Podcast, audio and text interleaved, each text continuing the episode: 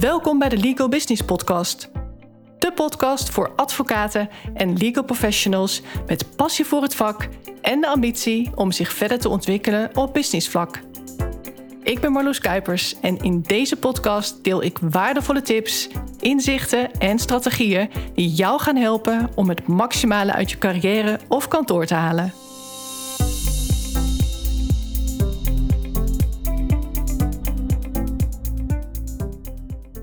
Ik wil vandaag iets met je delen wat ik de laatste tijd nogal veel meemaak tijdens de gesprekken die ik voer met advocaatpartners die mij benaderen voor advies. Ze volgen mij op social media, beluisteren mijn podcast of komen via via met mij in contact. En dan is de vraag vaak: wij hebben hulp nodig op het gebied van sales en marketing of we willen naar een hoger niveau. Kun je ons daarbij helpen? Maar vervolgens komt dan ook te sprake dat er binnen de maatschap sprake is van verdeeldheid. Of laten we zeggen, de koppen staan niet allemaal dezelfde kant op. Er zijn partners die willen vernieuwen, die echt willen investeren in de toekomst van hun kantoor. Zij beseffen dat ze echt nog kansen laten liggen. En ze weten ook dat sales en marketing belangrijk zijn. Dat business development een must is om bij te blijven. Je kunt je ogen er wel voor sluiten, de ontwikkelingen in de markt een beetje negeren, maar de concurrentie doet dat niet. Naast die ondernemende partners met ambitie zijn er ook partners die dat wat minder belangrijk vinden, die de noodzaak er niet zo van inzien. En vaak is dat ook omdat ze niet houden van het onbekende. Onbekend maakt onbemind. Je weet vaak niet wat je niet weet. Dus dan weet je ook niet waarom je iets zou moeten willen. Snap je wat ik bedoel? Pas als je weet wat iets je oplevert, ga je de waarde ervan inzien. Maar nu komen we bij een ander probleem. Want soms is er niet zozeer sprake van onbekend zijn met. Sterker nog, ze hebben als kantoor dan juist al de nodige ervaringen opgedaan met inschakeling van experts. Het kantoor heeft dan soms zelfs fors geïnvesteerd in experts op het gebied van bijvoorbeeld sales en marketing. Er zijn al trainers, coaches en consultants over de vloer geweest, maar het heeft niets concreets opgeleverd. Soms ook wel, dan weten ze hoe ze bijvoorbeeld beter moeten communiceren, hebben ze meer kennis opgedaan, waarom sales en marketing belangrijk is bijvoorbeeld, waarom iedere advocaat zich bewust moet zijn van personal branding, etc. Maar wat er dan verkocht wordt, is eigenlijk een gevoel. Weten waar je goed in bent en wat je wilt, dat geeft natuurlijk een goed gevoel. Ook een plan hebben gemaakt, dat geeft een voldaan gevoel. Of überhaupt met z'n allen ergens aan gewerkt hebben. En dat is soms vrij intensief als ik dat hoor. Het begint vaak met persoonlijkheidstesten, dan heidagen, teambuilding sessies, trainingsdagen, rollenspellen, noem maar op. Vaak volgens een vast concept, methode X zeg maar. Dat is wat er in feite vermarkt wordt. Maar ik geloof daar niet zo in. Ik zeg het maar heel eerlijk, want uiteindelijk gaat het erom wat beklijft er? Wat verandert er nou daadwerkelijk? Kennis is geen macht, maar de juiste kennis op de juiste manier implementeren, dat wel. Dat is nou juist zo waardevol en daarom schaars. Daarom blijven veel kantoren zitten met zo'n plan op papier, al dan niet virtueel papier. En blijkt het op papier zo makkelijk, gewoon even uitvoeren. Maar daar ligt nou juist de complexiteit. Dat is nou juist niet zo eenvoudig.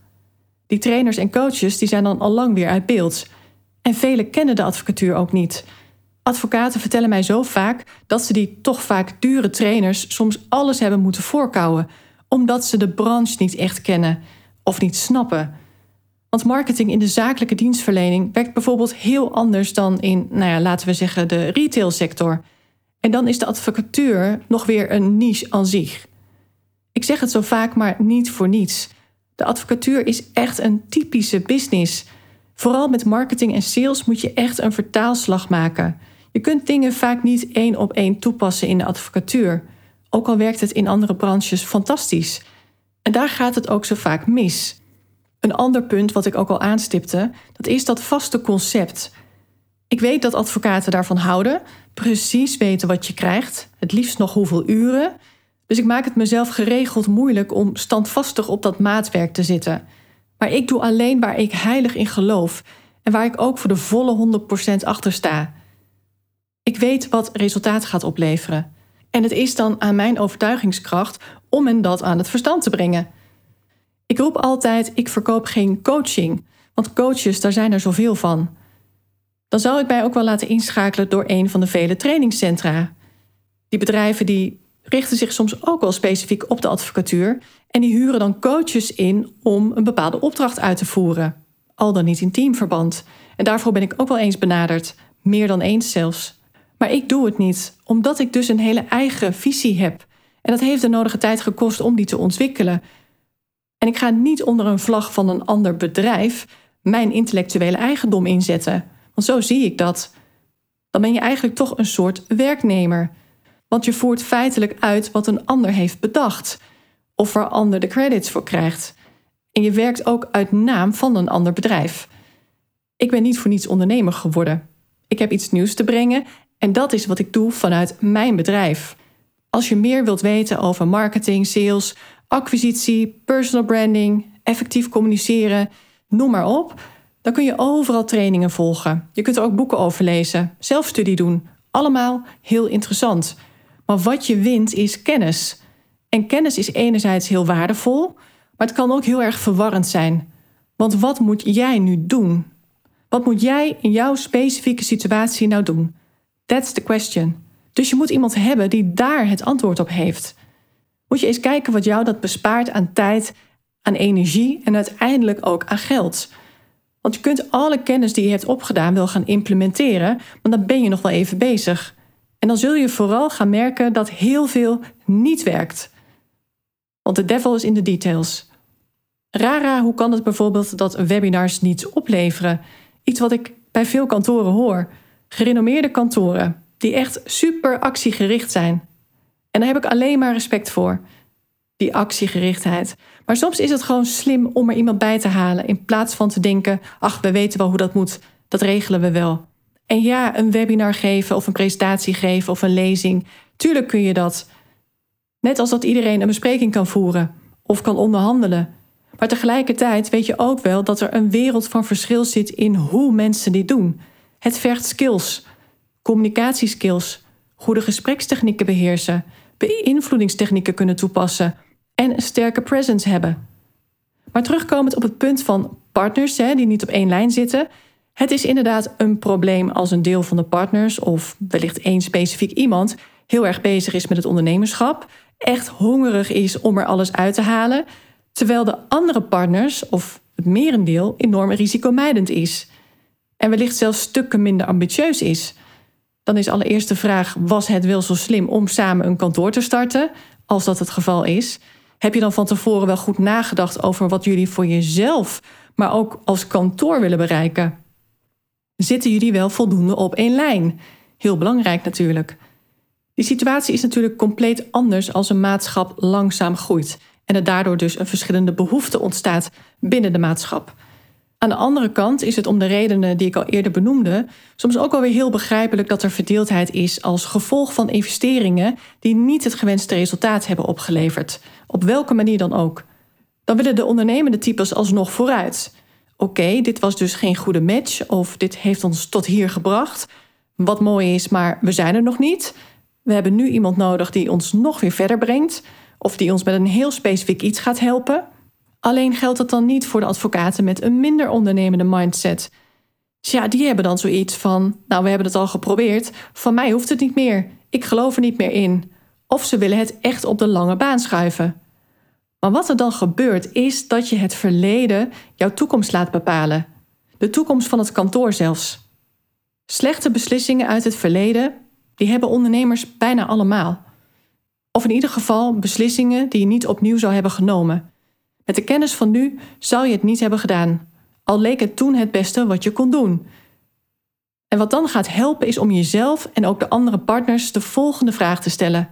Of eigenlijk zijn het een paar vragen. De eerste vraag is: hoe tevreden ben je met hoe het nu gaat?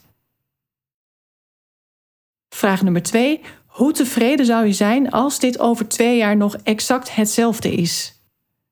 En de derde vraag: en hoe tevreden zou je zijn als het over vijf jaar nog exact hetzelfde is?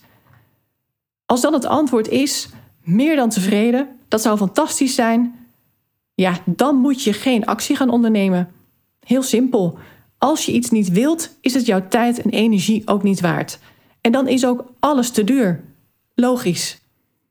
Maar wat je niet wilt, is een rationele nee.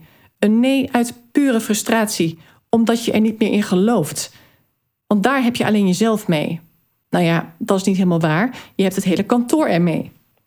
Beslissingen die het management of het bestuur neemt, die hebben uiteraard invloed op alles en iedereen binnen kantoor. En binnen organisaties net zo.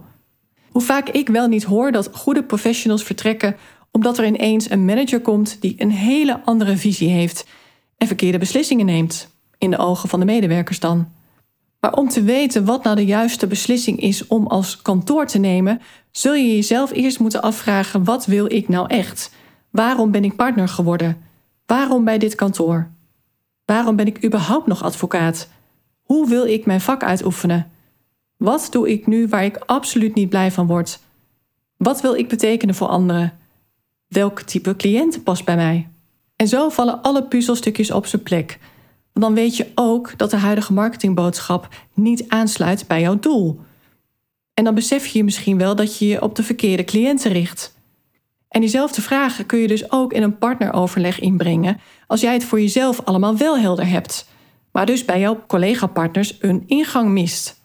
Want dit is veel slimmer dan op rationeel niveau blijven discussiëren, want dan ga je nooit tot de kern komen. Dan gaan zij ook niet inzien waarom het in hun eigen belang is om toch weer open te gaan staan voor nieuwe kansen. Je zult hen in de kern moeten raken, dat ze zelf gaan nadenken en tot hun eigen kern komen. Grote kans dat ze dit nooit doen, namelijk. Dat ze gewoon hun ding doen, jaar in, jaar uit. Zonder erbij stil te staan hoeveel invloed je wel niet hebt op hoe de dingen in je leven zijn. Hoe jouw carrière verloopt, hoeveel stress je ervaart, hoeveel voldoening je uit je werk haalt, hoeveel waardering je van anderen krijgt zelfs. Te veel mensen zijn al gestopt met werken ver voordat hun pensioen begint.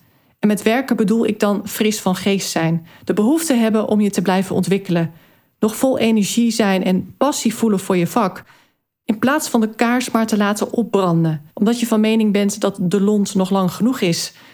Hoe bedenk ik het toch weer, hè? Maar ik denk dat dit wel een treffende vergelijking is. Nog even een andere vergelijking, die wil ik je ook niet onthouden. Een vrouwelijke ondernemer die vertelde laatst over haar mislukte huwelijk. Ze zei: Als ik er destijds voor had gekozen om niet meer in de liefde te geloven, of niet meer in het huwelijk, dan had ik nooit opengestaan voor een nieuwe liefde. En was ik nooit meer straalverliefd geworden. Dan was ik nooit meer gaan trouwen, want het was al eens mislukt. Terwijl ze nu al meer dan 25 jaar heel gelukkig getrouwd is. Dus waar kies je voor? Laat je het verleden jouw toekomst bepalen of creëer je je eigen toekomst met de kennis en wijsheid van nu? al dan niet met iemands hulp. That's up to you. Dit was wat ik je wilde meegeven vandaag. Ik hoop dat het je helpt. Je kunt deze aflevering natuurlijk ook heel subtiel delen hè, met de juiste mensen. Als je dus intern wat draagvlak mist, wellicht helpt het. Dan hoef je zelf het voorwerk niet te doen. Hoef je alleen maar te zeggen: Gewoon wat Marloes zegt, vind ik eigenlijk zo gek nog niet. Zullen we gewoon eens gaan brainstormen over onze idealen? Eens kijken wat er allemaal van moois uit voortkomt. Uiteraard ben ik daar ook heel benieuwd naar, dus je mag het zeker met me delen. Je kunt me mailen of een bericht sturen via social media. En stuur ook vooral even een connectieverzoek via LinkedIn als we nog niet geconnect zijn. En geef dan even aan dat je mijn podcast luistert. Ik vind het heel leuk om mijn luisteraars wat beter te leren kennen. Want het is nou eenmaal een behoorlijk anoniem platform, althans voor mij. En heb je nou een vraag en vind je het leuk als ik daar eens een aflevering over opneem, dan kun je mij dat ook laten weten. Check de show notes voor mijn contactgegevens en laat mij ook even weten als ik iets voor je kan betekenen. Want wellicht heeft deze aflevering je wel aan het denken gezet. Ik hoop dat je deze aflevering in ieder geval weer interessant vond. En ik wil je bedanken voor het luisteren en heel graag tot gauw.